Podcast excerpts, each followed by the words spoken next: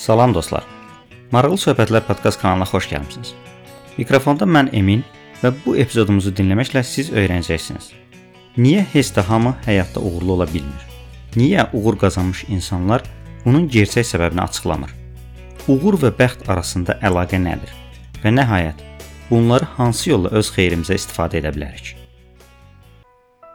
Karyerada və şəxsi həyatda uğur qazanmış insanların gürultulu çıxışları televiziya kanallarında, elmi konfrans və simpoziumlarda, sosial şəbəkələrdə və sair yerlərdə tez-tez qarşımıza çıxır. Bu şəxslər adətən böyük şirkət rəhbərləri, iş adamları, elm və incəsənət xadimləri yaxud idmançılar olur.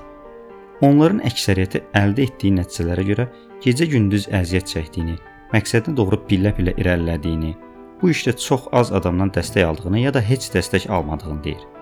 Sonda isə adətən siz də mənim kimi qarşınıza məqsəd qoyub çox çalışsanız, istəklərinizə çatacaqsınız. Tipli şablon məsləhətlər səslənir.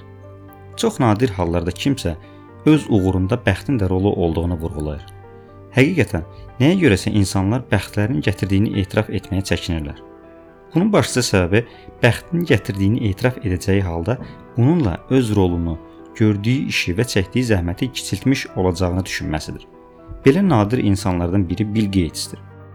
Microsoft şirkətinin qurucusu dünyanın ən varlı şəxslərindən biri olmasında bəxtinin rolunu inkar etmir. Bəli, Bill Gates, Steve Jobs, Bill Joy kimi IT sahəsində böyük uğur qazanmış şəxslərin gənclik illəri məhz müasir kompüterlərin yenicə icad olunduğu dövrə təsadüf edir. Təbii ki, bu insanların fövqəladə bacarıqlarını və məqsədyönlü şəkildə durmadan çalışmalarını heç kim inkar etmir. Amma lazımi zamanda lazımi yerdə olmalarında bəxtin də rolu az olmayıb. Bill Gatesin özünün də etiraf etdiyi kimi, onun imkanlı ailədən olması və həmin dövrdə öz kompüter sinfinə malik tək-tük təhsil müəssisəsindən biri Lakeside elitar məktəbinə göndərilməsi proqramlaşdırma üzrə təcrübə qazanmasına səbəb olub. Bu fenomen elmdə Matfey effekti adlanır. Matfey effekti terminini ilk dəfə sosioloq Robert Merton istifadə etmişdir. Bu adı isə Bibliyaya aid kitabların birində daha dəqiq, Matfeyin evangeliyasında təxminən varlılara daha çox veriləcək və onların varı daha da artacaq. Yoxsullar isə əllərində qalanı da itirəcəklər kimi tərcümə olunan cümləyə əsasən seçmişdir. Merton araşdırmaları göstərir ki, doğrudan da inkişaf etmiş ölkələrdən çıxan, ailə vəziyyəti yaxşı və maddi imkanı da yaxşı olan, keyfiyyətli təhsil alan və hər hansı səbəbdən tanınan insanların uğur qazanma faizi həmişə daha yüksək olur. Matfey effekti hətta idmanda da özünü göstərir. Bir çox idman növlərində ilk seçim zamanı uşaqların istedadından daha çox genetik göstəricilərinə, yəni boy, çəki və digər bu tip kriteriyalar əsas götürülür. Təsadüfi deyil ki, xokkey üzrə dünyanın bir nömrəsi sayılan Kanadada əksər ulduz oyunçular yanvar, fevral və mart aylarında anadan olanlardır. Çünki Kanadada uşaq xokkey komandalarına seçim hər ilin sonunda aparılır. Ad günü yanvar ayında olan uşaq dekabrda 6 yaş 11 aylıq olur və buna görə də əlbəttə ki, ad günü noyabrda olan həmyaşlılarından fiziki olaraq daha böyük görünür. Bu özəllik seçim prosesinə təsir edir. Seçilmiş uşaqlar A sinif komandalarında məşq edirlər. Bu komandaların məşqçiləri və məşq prosesi daha keyfiyyətli olduğuna görə həmin uşaqlar daha yaxşı xokkeyçi kimi yetişirlər. Eyni proses Amerika Birləşmiş Ştatlarının beysbol komandalarında da baş verir. Amma orada seçim iyul ayında aparıldığı üçün ad günü avqust və sentyabrda olan uşaqlar ön plana çıxırlar.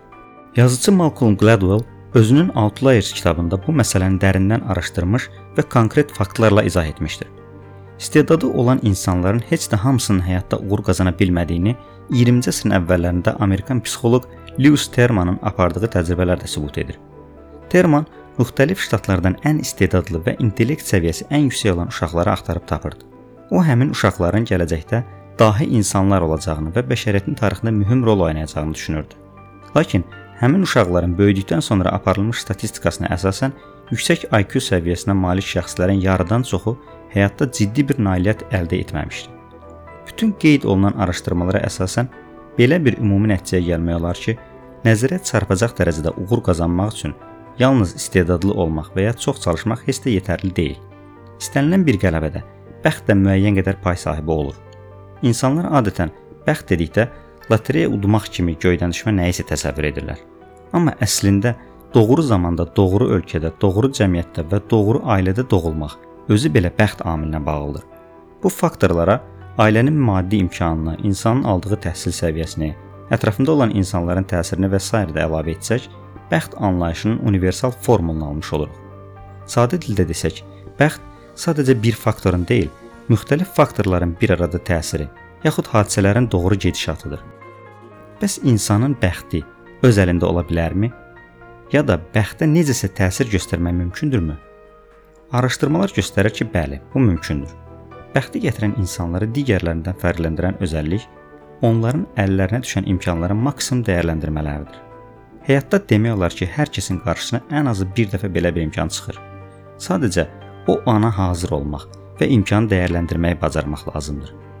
Musiqi, idman və digər davamlı çalışma tələb edən sahələrdə ən üst səviyyəyə çatmış insanların 10 min saat adlı bir prinsipi var.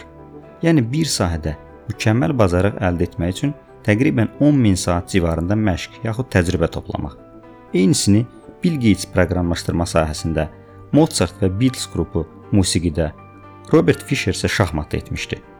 Buradan anlaşılan bəxtin gətirməsi üçün də bir növ münbit şərait vardır. Afrikada 100 minlərlə uşaq futbol oynayır, amma onlardan cəmi bir neçəsi Avropa gələrək ulduz olur.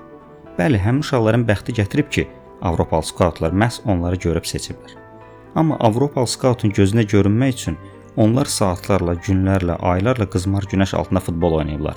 Nəticədə onlar həmin ələ düşən imkandan istifadə edib seçim günü skauta öz oyunlarını göstərə biliblər. Bəzən ola bilər ki, üzərində çox əziyyət çəkdiyimiz bir işimiz uğursuz alınır. Amma özündə güc tapıb səhvlərdən nəticə çıxardıqda və təkrar cəhdlər etdikdə bu cəhdlərin birində bəxtimizin gətirəcəyi mütləqdir. Əsas olan özünə inam itirməməkdir. Özünə inam və özgüvən haqqında isə əvvəlki podkastımızda danışmışıq. Əgər hələ də dinləməmisinizsə, mütləq dinləyin və dəyərli fikirlərinizi bildirin. Dəstək olmaq istəsəniz, hər zaman kanalımıza rəy yaza və dostlarınızla paylaşa bilərsiniz.